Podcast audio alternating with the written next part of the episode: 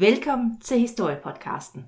Jeg er Katrine, og med mig har jeg Tambo-majoren fra Falsters ældste pigegarde, Marie. Og jeg har jo fået en sjælden fridag fra øveren. Øh, det, det er, er sjovt, det går, for du er den eneste, der er med i det der Tambo band. Hvad hedder det egentlig? Pigegarde. Pigegarde, pigegarde ja. Du, du har lige sagt det. Ja, øh, men altså, øh, hvis man har en tambo som mig, så behøver man heller ikke en garde. Nej, du går bare selv med din stav faktisk inden Præcis. på gaden. Præcis. Sådan Ej. er det. Sådan er det man, man, finder nye, man finder nye ting at lave i denne, denne coronatid. Det, det er nemlig mere coronasikkert at have sit eget sådan lille pigegarde. One, one man band. One woman pigegarde. Ja, præcis. Sådan er det. Men Marie, ja. i dag der skal vi tale om noget, altså det er en tapas af ting, vi elsker. Ej. Altså, der er nazister, der er spioner, der er sovjetiske spioner, og der er 2. verdenskrig, og det er et sand over flødighedshorn af gode sager. Og lad mig lige sige, hvad jeg har kaldt dagens afsnit. Det røde orkester. Ja. Altså allerede der, ikke? Ja, men det lyder bare, det lyder, altså det kunne være titlen på en James Bond film. Jeg mener også, den er blevet filmatiseret faktisk. Uh. Men vi skal simpelthen tale om et spionnetværk, der opererede i hele, altså stort set hele Europa under 2. verdenskrig. Og det er sådan, det var sovjetiske spioner, og den tyske altså efterretningstjeneste var lige hælende på dem, og det, var en, det er en skøn historie i dag. Uh, det lyder godt. Men jeg tænker lige, der er lige en, en enkelt disclaimer, fordi du sagde lige, at vi elsker nazister, og det er selvfølgelig ikke på den måde, vi elsker nazister. Altså, vi elsker Nej, bare det ved folk der efterhånden godt. altså, hvor mange gange har vi ikke disset nazisterne efterhånden? Ja, vi hader faktisk nazisterne. Vi elsker at hade dem. Men det er jo vigtigt at snakke om dem. Det er så vigtigt at snakke om dem.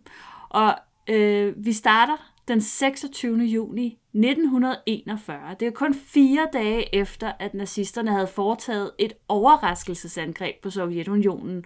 Der opfangede man en tysk, eller der opfangede en tysk radiostation ved Østersøkysten, øh, nærmere bestemt et sted, der hedder Kranz, en kodet meddelelse, som blev afsendt fra en hemmelig kortbølgesender et ukendt sted fra. Og de her meddelelser, de blev ved med at blive sendt de her næste fire timer. Og så går den store jagt i gang, fordi, was ist das? fordi man ved ikke, hvor signalerne kommer fra. Og den nazistiske efterretningstjeneste havde meget lidt at gå efter i virkeligheden. Mm. Dog kunne man se et par ting. En af de ting, det var, at frekvenserne signalerne kom fra, det var den samme, som den norske modstandsbevægelse brugte. Uh.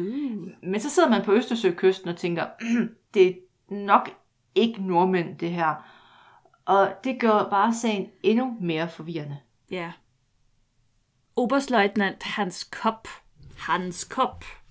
Eller Kopp. Han var Kopp. Jeg tror, det er Kopp, når det er to P'er.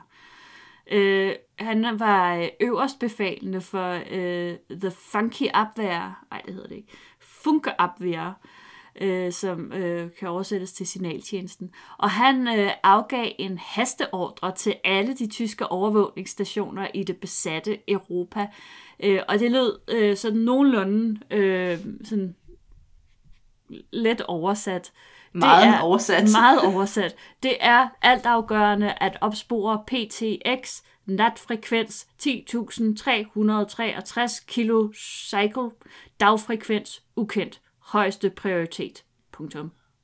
Og i løbet af de næste par måneder, der blev yderligere 250 meddelelser opsnappet, men man kunne stadig ikke finde kilden, og så blev man lidt vred. Mm-hmm. Øh, man kunne sådan nogenlunde fastslå, at signalet det kom fra det sydlige Holland, fra Belgien eller det nordøstlige Frankrig, sådan det her område. Men man mm. kunne virkelig ikke komme tættere på endnu. Hmm.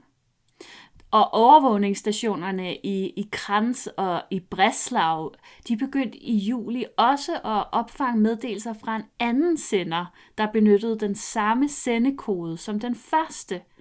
Men her der kunne man altså lettere fastslå, hvorfra de her signaler de blev sendt. Øhm, afsenderen den befandt sig nemlig i Berlin, øh, under 5 km fra Kops eget hovedkvarter. Men selvom at der var hvad, 500 mand, som arbejdede på at løse den her opgave, så havde man altså stadigvæk ikke knækket koden i september, altså hvad, to måneder efter. Øhm, og det eneste, man vidste med sikkerhed på det her tidspunkt, det var, at det var en russisk kode. Derfor begyndte man at fokusere på at finde afsenderen i stedet for. Og man begynder langsomt at indsnævre det her søgeområde, og det stod hurtigt klart, at afsenderen havde tre forskellige sendelokationer. Opgaven den blev gjort sværere af, at afsenderen ikke havde faste sendetidspunkter og konstant skiftede frekvens og kaldesignal. Mm. Og pludselig der ophørte signalerne i Berlin helt, hvilket tyder på, at afsenderen havde fået et tip om, at der var nogen, der var efter ham. Ja. Den anden sender var dog stadig aktiv og sendte mellem sådan 3 og 5 timer uafbrudt hver nat.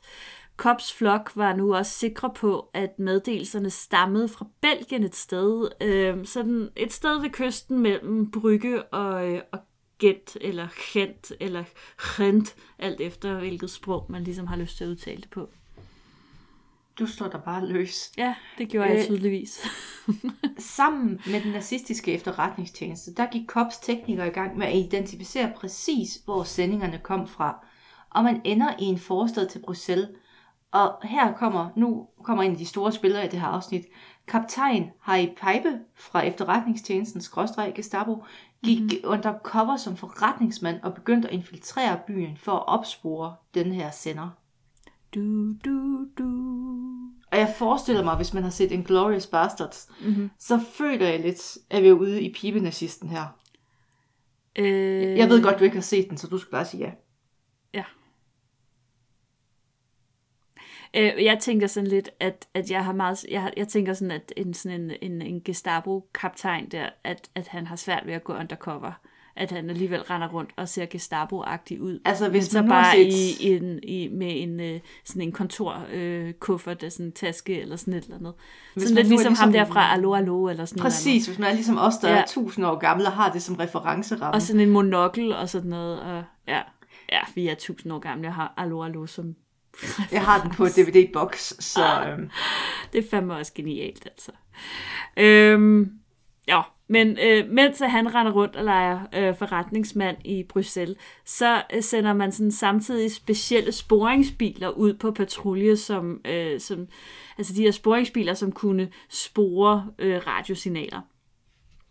Og på den måde fandt man ud af, at der var intet mindre end tre sendere i området, og man kunne indsnævre deres positioner yderligere til, øh, og nu tænker jeg, hvis folk de er sådan meget stedkendte i Bruxelles, øh, Etterbæk distriktet, Ykkel og Læken. Øh, ja. Jeg ved ikke, hvor det er. Ved du, hvor det er? altså det er lidt forskellige steder i byen. Jeg mener, at Etterbæk, det er den nordlige del af Bruxelles. Okay. Jeg er ikke så kendt i Bruxelles. Jeg tror faktisk aldrig, jeg har været i Bruxelles. Jeg kan godt lide, at du ikke kan huske, om du har været der. Ah, men jeg tror, jeg har været i Bruxelles Lufthavn. Men jeg tror ikke, jeg har været uden for lufthavnen. Nå, men øh, Pipe, han øh, ville først gå efter senderen i Etterbæk, øh, da han mente, at hvis man først fik fat i en radiosender, så kunne den her radiooperatør nok overtales til at stikke de andre. Klokken to om natten den 14. december 1941, der slog Pipe og hans folk til. De rensede tre nabobygninger på Rue de Artrebar, og Held var med dem, og de fangede radiooperatøren og to kvindelige medhjælpere. En af medhjælperne, det var Rita Arnold, som allerede var på flugt fra Gestapo, så det var ekstra nederen at blive fanget, Mm-hmm. øh, fordi at hun var jøde. Og hun var ikke sådan så glad for udsigterne, når efter man er blevet fanget af Gestapo. Nej. Så hun bliver faktisk stikker for tyskerne. Hmm. Og de to andre, de nægtede at samarbejde, og så skete der jo det, der sker, når man ikke samarbejder med Gestapo. Og det resterende medlemmer er af gruppen, dem der ikke blev fanget, de gik under jorden. Spurgte du, hvad der sker, hvis man ikke samarbejder med Gestapo? Ja. Øhm, man har to muligheder. Enten så bliver man skudt, eller også så får man en togbillet til en lejr, man ikke sådan sjældent kommer hjem fra igen. Okay. Fedt. Så, så i virkeligheden det er lidt nederen ikke at samarbejde med Gestapo. Øh, det er både nederen at samarbejde med dem, og det er også nederen ikke at samarbejde med dem. Mm-hmm. Der var, altså det er sådan, Det er damn if you do, and Lose, lose, lose øh, situation. Ligesom så mange andre situationer med Gestapo, så var det bare ikke en, man har lyst til at være i. Radiosenderen i Laken øh, forblev inaktiv indtil midten af 1942. Og så øh, der, der genoptog den så sendingerne, der slog, øh, og der slog Pipe og hans mænd endnu en gang til. Den 30. juni, der blev radiooperatøren fanget, øh, øh, og der, altså, fun fact, han, han forsøgte at gemme sig i naboens badekar. Måske ikke det bedste sted at gemme sig. Som man jeg- jo gør jeg tænkte mere til skab eller sådan noget. Var et udmærket sted at gemme sig. Men det gjorde han altså. Og radiooperatøren, han hed Johann Wenzel. Han var tysk kommunist og havde i årvis været efterlyst af Gestapo. Wenzel, han blev tortureret, øh, og efter øh, den her øh, tortur, så gik han altså med til at samarbejde med tyskerne. Og måske vi lige skal snige ind her fuldstændig opskrift, hvorfor at de brugte så mange ressourcer på at fange de her radiooperatører. Mm. Det var jo fordi, at man er jo gået i krig med Sovjet, Sovjetunionen på det her tidspunkt.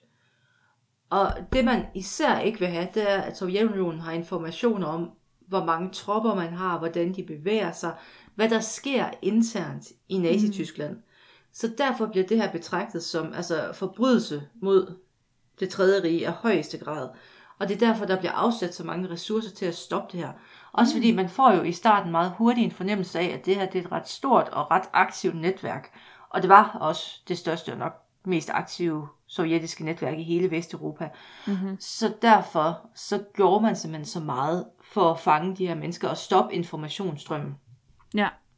Men mm, tilbage til Wenzel. Ja. Han genoptager i september igen kommunikationen med Moskva, men den her gang så var Gestapo på medhør. Dog lykkedes det for Wenzel at flygte i starten af 1943, hvorefter han så gemmer sig i Holland resten af krigen. Ja, det var da godt for ham. Klogt af ham. Øh, ja. Men altså, da han, efter krigen, der blev han jo ikke heldemodtaget, fordi han havde været stikker. Så han får jo ikke det der hjem i Moskva, han reelt havde drømt om. Fordi Stalin, han tænkte jo bare, øh, hvad med nej? Du kunne da med at blive skudt så. ja, det var, var, det ikke, var det ikke det, Stalin han sagde til sin søn? Var der ikke et eller andet med hans Jo, søn, jo. der blev taget til fange af tyskerne? Og så var han bare sådan lidt, ej, kunne du da ikke bare være blevet skudt, din idiot -agtig. Far er ikke sur, far er skuffet. Ja, helt ærligt. Så dødt over en ordentlig død. Nå, men øh, det røde orkester, det var jo så det netværket her, det blev kaldt. Øh, og, og netværket i Belgien, det var nu ødelagt. Øh, og det samme, det skete kort tid efter os i Holland, i takt med, at Pipe, han ligesom pågreb flere og flere. Men Pipe, han gjorde også sådan en for ham lidt uhyggelig opdagelse.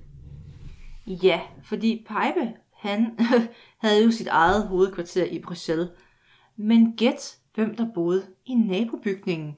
Det får de sporet sig frem til, at det røde orkesters stedfortræderchef, det, det petit chef øh, der er det grand chef, det er sådan overbossen, og så er det petit chef, som er stedfortræderen. Og han boede altså i nabobygningen. Og Hej med dig. Hej nabo. En anden lidt skræmmende ting for Pipe, det var, at han fandt to beskeder til GRU. Og hvem er det nu lige, det er? Jamen, det, er jo- det er jo GRU, og det er jo, øh, det, hvis man skal tage en pendant, man forstår, så er det, vil jeg nok sige, det sovjetiske svar på CIA. Ja. Og de okay. tog så så af altså, espion, altså spionage og sabotage mm-hmm. og alle de der spændende ting. Og det var så også øh, mere internationalt orienteret Ja, og operationer i udlandet for Sovjetunionen. okay. Og på det her tidspunkt, altså det var jo også, det var jo stadig en sjov tid i historien, hvor Sovjetunionen jo gik efter den der verdensrevolution hårdt. Ja, Så de blev også brugt til at rek- rekruttere lokale mennesker i fagforeninger og whatever. Så man ligesom fik opbygget den der famøse femte kolonne, man snakkede meget om, og mm. alt sådan noget. ja. Men øh, så der var altså øh, to beskeder fra Wenzel, altså ham der, der var gået i, øh, i, i skjul i Holland, øh, til øh, den her sovjetiske efterretningstjeneste af en art. Øhm, og den ene meddelelse, den indeholdt meget detaljerede beskrivelser af Blau-operationen, som nazisterne øh, var i gang med at, at planlægge øh, ved Østfronten i 1942, og det var jo her, hvor målet ligesom var at erobre Stalingrad, altså øh, nutidens Sankt Petersborg. Og det får det til at løbe koldt ned ryggen på Pipe. Ja. Fordi det betyder jo, at det røde orkester ved ting, og de har kontakter højt op i nazistpartiet og i værmagtens overkommando. Men hvem var det lige, de havde kontakt med? Hvem Fordi var det er også vigtigt. Hvem var det, som man vil sige Horsens? og SS og Gestapo, de ser jo det her som højforræderi. Så de skal også lige have fundet ud af, hvem der kommunikerer med det røde orkester. Ja. Så der så, så fordobler de den her allerede ret store indsats for at fange informanterne. man kan sige heldigvis for nazisterne, ikke fordi, at de har brug for, for den slags, men øh, så kan de trøste sig med, at, at Wenzel han aldrig fik sendt beskederne til Moskva. Men man var også, altså tyskerne var også lykkelig uvidende om, at der var en svejtsisk afdeling af Og spionnetværket. de fik da sendt den information afsted. Ja, men så Dan Schweiz, go Schweiz, go Schweiz. Du det eneste menneske i verden, der nogensinde har hæppet på Schweiz i noget som helst. Den 14. juli 1942, der sker der dog et gennembrud hjemme i Berlin. Fordi det lykkes at, simpelthen at dekode den sidste, øh, en besked fra sidste år. Og som man ved med kode, hvis man sådan kan knække en, så kan man som regel knække de andre også. Mm-hmm. Og det var så en kode, der var kommet direkte fra Moskva ud til netværket. Og nu begynder GRU, for de får jo så at vide, at nu ved tyskerne det godt, og de kan læse vores beskeder. Uh. Mm-hmm. De begynder at blive nervøse, så derfor gør man simpelthen det klogeste i verden. Man vil simpelthen sende den lokale leder af netværket i Berlin noget post. Fordi Ej, fysisk post er der aldrig noget, Gestapo har læst. Så man sender simpelthen luftpost afsted. for... Og gæt, hvem der får fingrene i det først. Jamen, Og der var er adresser og dumt. kontaktoplysninger og alt muligt lækkert. Lad, lad, os, lige, lad os lige... Lille slow clap til dem. Ja, det var simpelthen, det var, det var så godt tænkt. Nå. Øh, men på den her måde, der fandt man jo så altså frem til, til medlemmerne af, af det her netværk. Eller også, ja, og det drejede sig om, øh, om en løjtnant i, øh, i Luftwaffe. Det var altså ham, der havde været muldvarpen her, går jeg ud fra, ikke? Der var flere muldvarper. Der var flere Varper. muldvarpe. Øh, så der var ham her, øh, løjtnant, løjtnanten i Luftwaffe, der hed Haro Schulze Beusen. Og så var der en doktor Alfred Harnack. Han var en højtstående embedsmand i økonomiministeriet. Og øh, sidst men ikke mindst var der Adam Kukholt, som var en kendt forfatter. Der var også andre i netværket, men lige nu så kendte man de her tre. Og både Schulze Bøjsen og Harnack havde gode forbindelser. For eksempel, øh, fun fact, øh, Schulze Bøjsen, han var grandnevø til storadmiralen Alfred von Tirpitz, som Uh. jo øh, stod for opbygningen af den tyske flåde under kejseren og alt som muligt. øh, Tirpitz-bunkeren vel er opkaldt efter. Lige præcis. Det Hvor det- große var Tirpitz. det? Ja, spændende.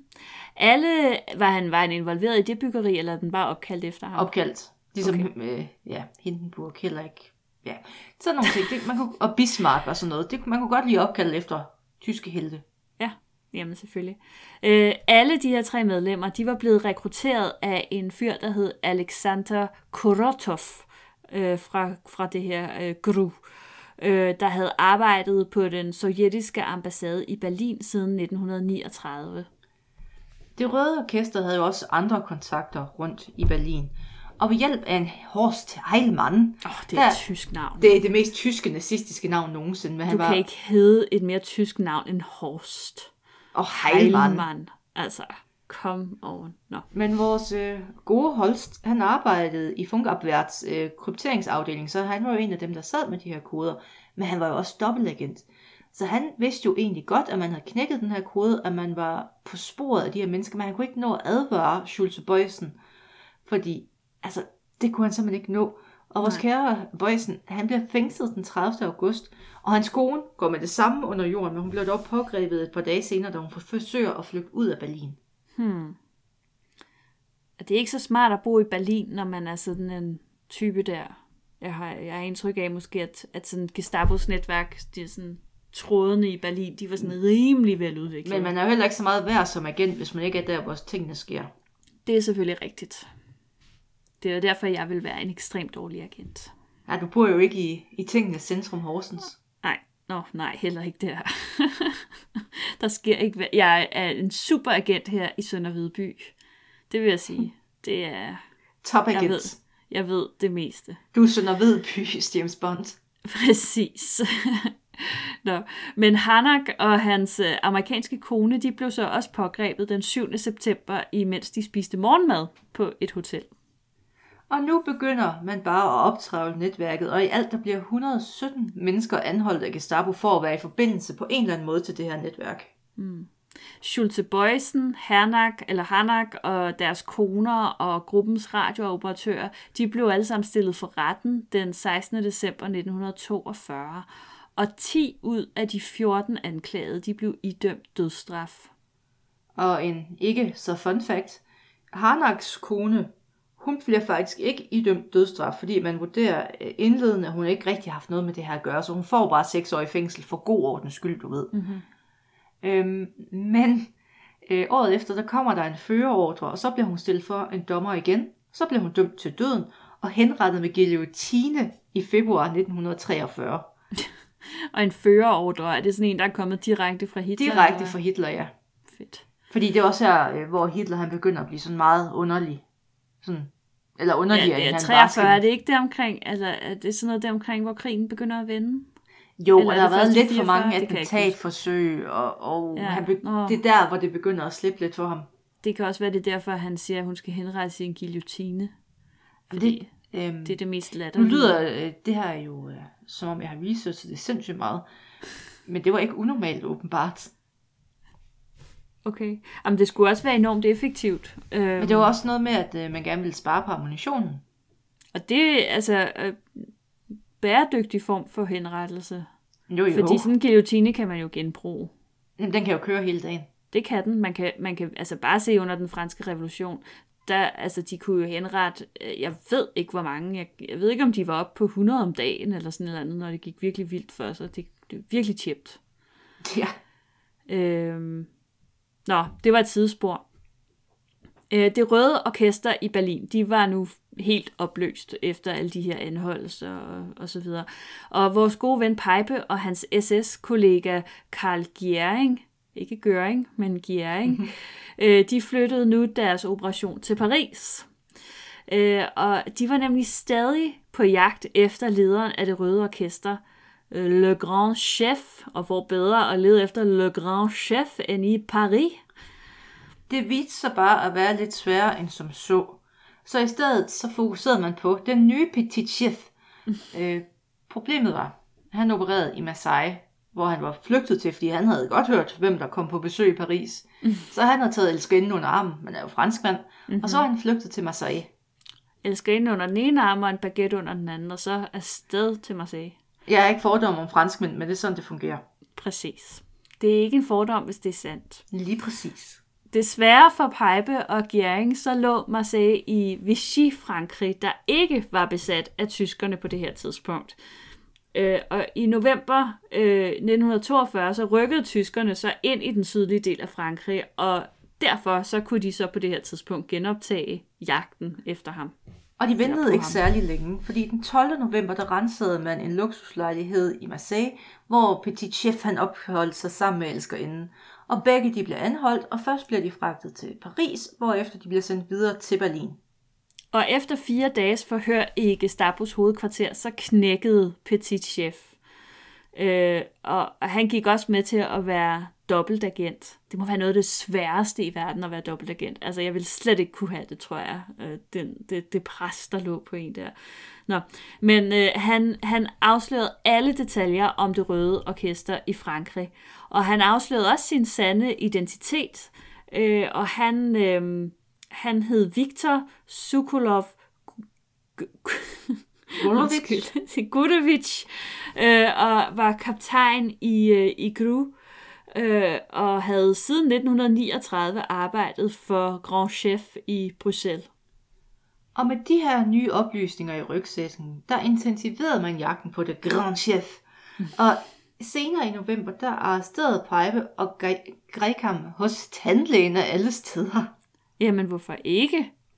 Selv en grand chef må jo have tjekket bisserne i ny og næ. Og øh, grand chef, han var i virkeligheden Leopold Trepper. Og han var faktisk en polsk jøde, øh, der havde arbejdet som hemmelig agent for GRU i Paris siden 1937. Og året efter, der var han så blevet udpeget af, af general Teren... Te, ja, undskyld, men det er et russisk navn, og det, det, det Ej, jeg ikke sikke lige et øvet. tilfælde, jeg har, du har fået Jeg det. har ikke lige øvet mig på det russiske her. Terene... Til, et eller andet Terenehevich. Te- Terene, te- Terenehevich, tror jeg. Og hvad hedder han til efternavn? Åh oh, gud, det var kun fornavnet. Øh, Peresybkin. Smukt. Terenehevich Peresybkin. Nu kan du mærke, hvordan det føles. Okay. Og han var ham, hvis navn vi aldrig længere skal udtale. Han var chef for crew. Øh, og, og, og han blev altså udpeget til at lede Sovjetunionens spionage i Vesten. Senere efter krigen, der hævdede Trepper, at det her samarbejde med nazisterne, det var jo altså, det var kun for at snyde dem. Jeg var faktisk trippelagent. Så jeg var agent for dem, som stod de andre, som stod dem. Det var, det var meget kompliceret. Ja. Øh, man kan jo så sige på den anden side, de der ikke samarbejdede med Gestapo, de blev henrettet eller sendt i koncertlejre, så man kan sige, måske var han lidt klogere end de andre. Trepper han fik i hvert fald en herskabsvilla i Paris. Så Og det vil jeg, altså, ja okay. Der er selvfølgelig Og- et samvittighedsspørgsmål, men han var jo polsk jøde, og så ved man godt, hvad man gjorde ved jøder, ikke? og polakker generelt. Og polakker Og- generelt, ja. Og her kunne han så sidde og lave det, som Gestapo selv omtalte som radiospil med Moskva, hvor han jo faktisk bare altså, lod som om han sendte normalt. Men de lyttede med og skrev beskeder ned og sørgede for, at der blev givet falske beskeder til Moskva, så de havde falske Ah. informationer at arbejde med. Og det finder Gru slet ikke ud af, eller det kommer vi til måske. Nej, det gør de ikke. Det gør de ikke. Jamen, de er heller ikke skide skarpe. Altså, apropos det der med den luftpost der. Om de, de havde momenter af absolut brill- brilliance og absolut idioti. Okay. Nå, men i september 1943, der lykkedes det Trepper at flygte og gå under jorden, indtil Paris blev befriet i august 1944. Og alt burde jo egentlig være fryd og gammel for Peibe og Kop og alle de andre forfærdelige nazister. Fordi at Grandchef, han var jo fanget eller ond, og senere under jorden, så han kunne ikke gøre noget. Mm. Men, men, men, det var faktisk for godt til at være sandt. Fordi pludselig, så finder man ud af, hmm, der bliver sendt beskeder fra Schweiz, jævnfør tidligere med Operation Mhm. Blau, Mm. og man finder ud af, at tre sendere, de var i daglig kontakt med Moskva.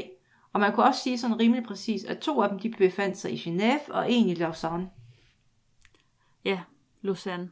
Hvad Lausanne. nu med det? Jamen, jeg ved det godt, men det er faktisk et sted, jeg har været. Så, La-di-da. Du skulle alligevel ret på mig i dag. Det er ikke et rigtigt afsnit, hvis der ikke er nogen, der retter på mig. ej, men altså, du har lige givet mig et russisk navn, altså. Ja. Nå, men øh, den her gruppe i Schweiz, den blev ledet af en fyr, der hed Sandor Rado, og han var ungarer og havde opereret i Schweiz siden 1936. Problemet for tyskerne, det var jo, at, at Schweiz var vel ne- neutralt. De var sådan Øh. neutrale, skråstreg, lidt allierede, men ikke sådan rigtige. Og, ja. Ja, og, og, Altså, men de, altså, altså, officielt var de neutrale. Ja, og, og man kan i hvert fald sige, det væsentligste var, at tyskerne kunne ikke gøre noget, fordi at de havde jo ikke, altså de kunne ikke, de kunne jo ikke operere i et Det land. ville være et forkert signal at sende Gestapo ind for at hente folk i Ja. Schweiz. Det ville det. Øh, så, men måske de alligevel kunne trække i nogle tråde. Det endte i hvert fald med, at, at Schweizerne selv anholdt øh, ham her, Sandorado. Øhm, og, og altså officielt i hvert fald, var man jo simpelthen for nervøse for, at Hitler han ville sende tropper til Schweiz øh, for at løse det her problem. Det har nok været en reel øh, frygt egentlig, måske.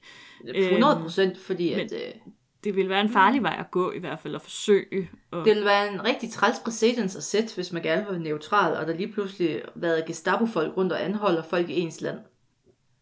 ja, Det, øh, så det er svært at forblive neutral i hvert fald. Lige Så- præcis. Så i maj 1944, der arresterede de svejtiske myndigheder selv ham, eller så en anden en, der hedder Rudolf Rossler, som var tysk forlægger, der var flygtet fra Tyskland. Og Rossler, han havde base i, nu må du rette mig, Lucerne. Ja, det er rigtigt. Selvfølgelig var det det. Og han gik så, uh, fun fact, uh, hans sendenavn, det var Lucy, fordi han sendte fra ah, Lucerne. Fedt. Og han havde jo så fungeret som Rados vigtigste agent i Schweiz. Ja. Og han havde også en kontakt til en højtstående officer i Wehrmacht. Øhm, og det var især øh, generalløjtnant Fritz Thiele, øh, som, øh, som sad i Krigsministeriets kommunikationsafdeling. Og på den måde, der kunne øh, Rados få adgang til tonsvis af vigtige øh, oplysninger. Blandt andet, så kunne han jo break øh, over for Moskva, af hvad Operation Citadel øh, gik ud på. Operation Citadel, det var jo Hitlers sidste forsøg på at genvinde initiativet på Østfronten, fordi på det her tidspunkt, så var man jo presset langt tilbage. Mm. Og han håbede jo hele tiden på, at man ligesom kunne vende momentummet i det her, og man kunne begynde at skubbe russerne tilbage. Det skete jo så sjovt nok aldrig. Mm-hmm.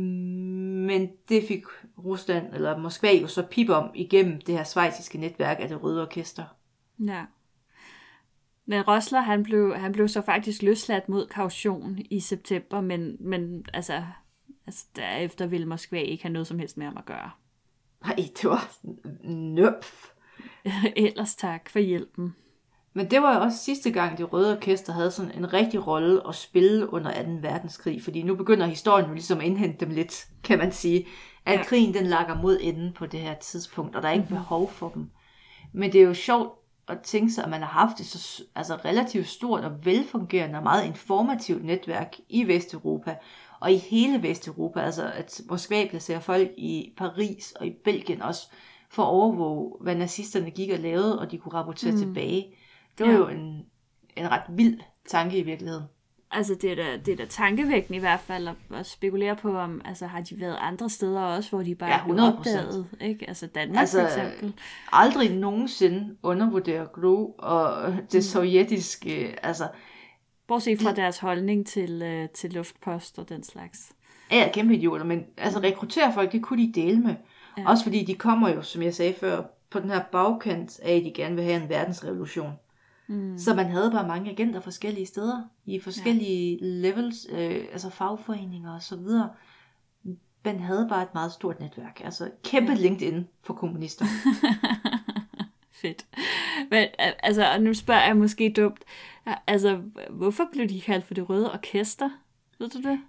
Jamen, det var noget med, at øh, fordi at de spillede hver aften. Ah, radiospillede. Lige præcis. Ah. Der var noget i radioen hver aften fra dem. På den måde. Og så, altså det passede jo også, så havde man konduktøren, det grand chef og petit chef. Ja. Men det var tyskerne, der fandt på navnet i øvrigt. Når det røde orkester? Ja.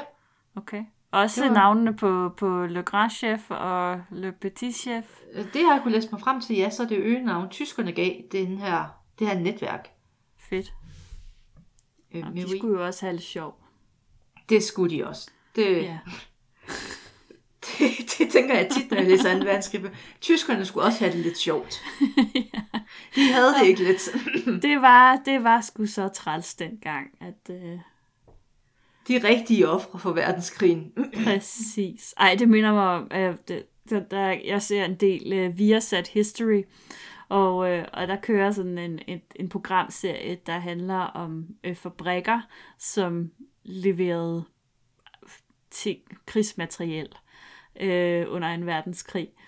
Øh, og, og der har de sådan en trailer, øh, som kører, når, og så, så er der sådan, this is a war um, um, um, between factories, og så kommer der sådan en speakerstemme, som siger, at, øh, at det var den, her blev de virkelige kampe udspillet.